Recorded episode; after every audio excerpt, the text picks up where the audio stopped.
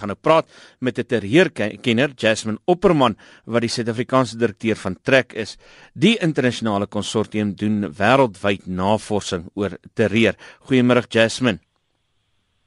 Goeiemôre Isak. Dis die uitnodiging. Jasmine is daar word bespiegel dat die, die drie aanvalle die sogenaamde lone wolf tipe optrede is. Is dit werklik ISIS se werk of kan dit deel wees van die proses om die groep se handelsmerk te help bevorder? Daar's daar's twee aspekte wat ons hier in ag moet neem. Isak 1 is uh, is dit verantwoordelikheid aanvaar vir twee van die aanvalle, die een in Tunesië en die een in Kuwait. Nou die een en twee daar daar is bepaalde verskille tussen die twee aanvalle wat ons net in aanmerking moet neem.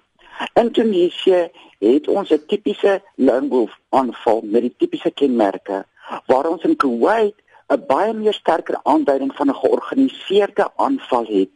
Uh, as mens vat hoe vinnig is is uh, erkenning aanvaar het en ook op die sosiale netwerke uiteengesit het dat hulle verantwoordelik is vir die aanval en hulle het ook onmiddellik die naam van die die die selfmoordaanvaller bekend gemaak en daar was ook 'n groep uh, wat aanvaar uh, wat hulle dan aangeself aangekondig het is ISIS verteenwoordigers in Kuwait. So dat daar definitief 'n kenmerk is dat hierdie definitief deel van 'n ISIS strategie strategie is kan nie ontken word nie.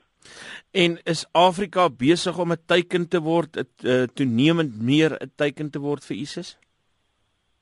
Kom ons gaan net terug om die vraag te beantwoord ons die die konteks seker. Kom ons gaan terug na een van hulle topleiers Adnani se se toespraak wat laasweek vrygestel is. In die toespraak stel hy dat werklik twee doelwitte vir ISIS. Nommer 1 Syrië, Irak en die Midde-Ooste waar sekulêre oorlogsvoering aan die orde van die dag sal wees waar daar 'n tweespalt tussen Shia en ehm um, Sunni geskep moet word. Maar die tweede boodskap is op Afrika van toepassing. Hier is 'n direkte boodskap gestuur aan persone en mense wat lojaal voel teenoor die ideologie van ISIS om voort te gaan met aanvalle. Dit sluit nie Afrika uit nie. Ons het nou onlangs onlangs as gister ehm um, twee selfmoordaanvalle in Chad gesien. Nou daar is geen verbintenis met ISIS op hierdie stadium bevestig nie, maar ISIS is besig om 'n voorbeeld te stel. En hierdie voorbeeld kan hier enigiemand nagevolg word en Afrika moet sterk bewus wees hiervan en daarbey sluit ek ook in Suid-Afrika.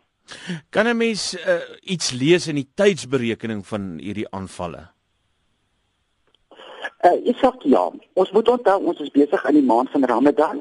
Punt nommer 1, ons het almal verwag dat daar verhoogde aanvalle gaan wees. Dit het ons Vrydag gesien en die slegte nuus is dat dis net die begin. Die einde is nog nie in sig nie. Daar's al reeds op sosiale netwerke ISIS ondersteuners wat gesê die volgende aanvalle gaan in weer eens in Tunesië geloods word en dit gaan teen hulle drankwinkels, soos wat drank verkoop word in Tunesië. So die die volgende boodskappe begin al reeds hardloop punt nommer uh, die volgende punt wat ons moet verstaan van uh, ISIS is vandag is 'n herdenking van 1 jaar van die Islamic Staat wat hulle aangekondig het 'n jaar terug. Dit alles voer in tot 'n proses van verhoogde aanvalle waarin ISIS homself oor en oor wil bewys as om 'n totaalbeheer te wees as om nie geraak te word teen teen aanvalle teen ISIS nie en wat hulle net verder sal uitbrei. Jasmine hier op Monitor en Spectrum het ons al heelwat onderhoude gehad met mense wat sê dat die groter moslem wêreld uh, uh distansieer hulle baie baie sterk van ISIS af. En en tog maak die groep 'n uh, uh, uh, groot impak op gemeenskappe en wek hy groot belangstelling. Hoekom is dit so? Ek stem heeltemal saam. Die meerderheid van moslem gemeenskappe verwerk ISIS. ISIS verteenwoordig nie Islam nie, maar hulle eie noue interpretasie daarvan. Maar ISIS is nie in die ons moet nie ISIS uh, analiseer en verstaan dat 'n meerderheid stem vir hulle nodig is nie. 'n Minderheidsgroep wat bereid is om die totaliteit toe te pas wat hulle besig is om toe te pas, maak hulle effektief.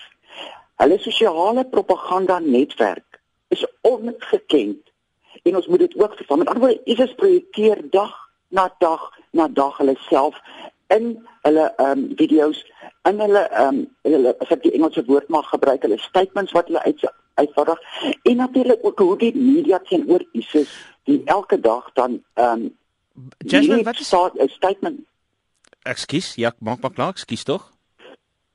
Eh, ek sê wat we dan besig is om te doen wat ons begin, wat die wat die media begin doen is om dan hierdie goed wat ISIS daar buite stel in hulle eie artikels dra. So die boodskap van ISIS is dag na dag en raak net al sterker en die die hartseer is dit wat ISIS projekteer en wat wat die werklikheid is is, is twee wêrelde uitmekaar. Maar dat ISIS homself suksesvol projekteer kan nie gedebatteer word nie. Wat wat is die tipiese profiel van iemand wat uh, om by uh, ISIS se ideale wat homself daarmee identifiseer en dan by die groep aansluit?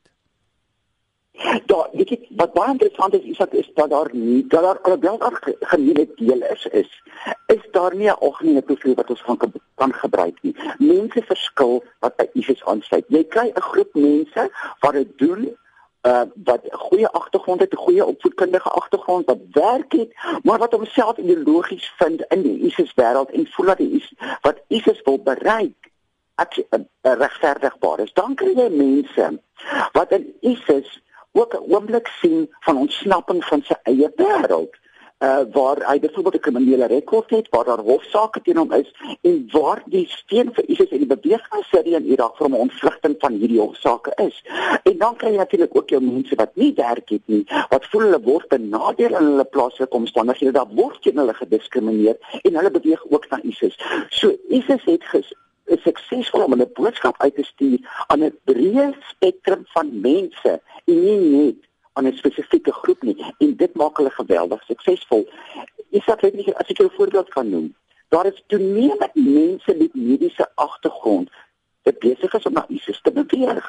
En dit sê vir ons alles oor hoe breed hulle boodskap op hierdie stadium is. Hoe hoe gaan ISIS se beheer en sy invloed beperk word? Hoe gaan wat gaan nou die wêreld kan maak? om hierdie invloed te beperk? Is dit wat wat baie duidelik is, die die die militêre aanslag teen ISIS wat ons vandag sien, het nie en is nie besig om te slag nie. Dit is baie duidelik.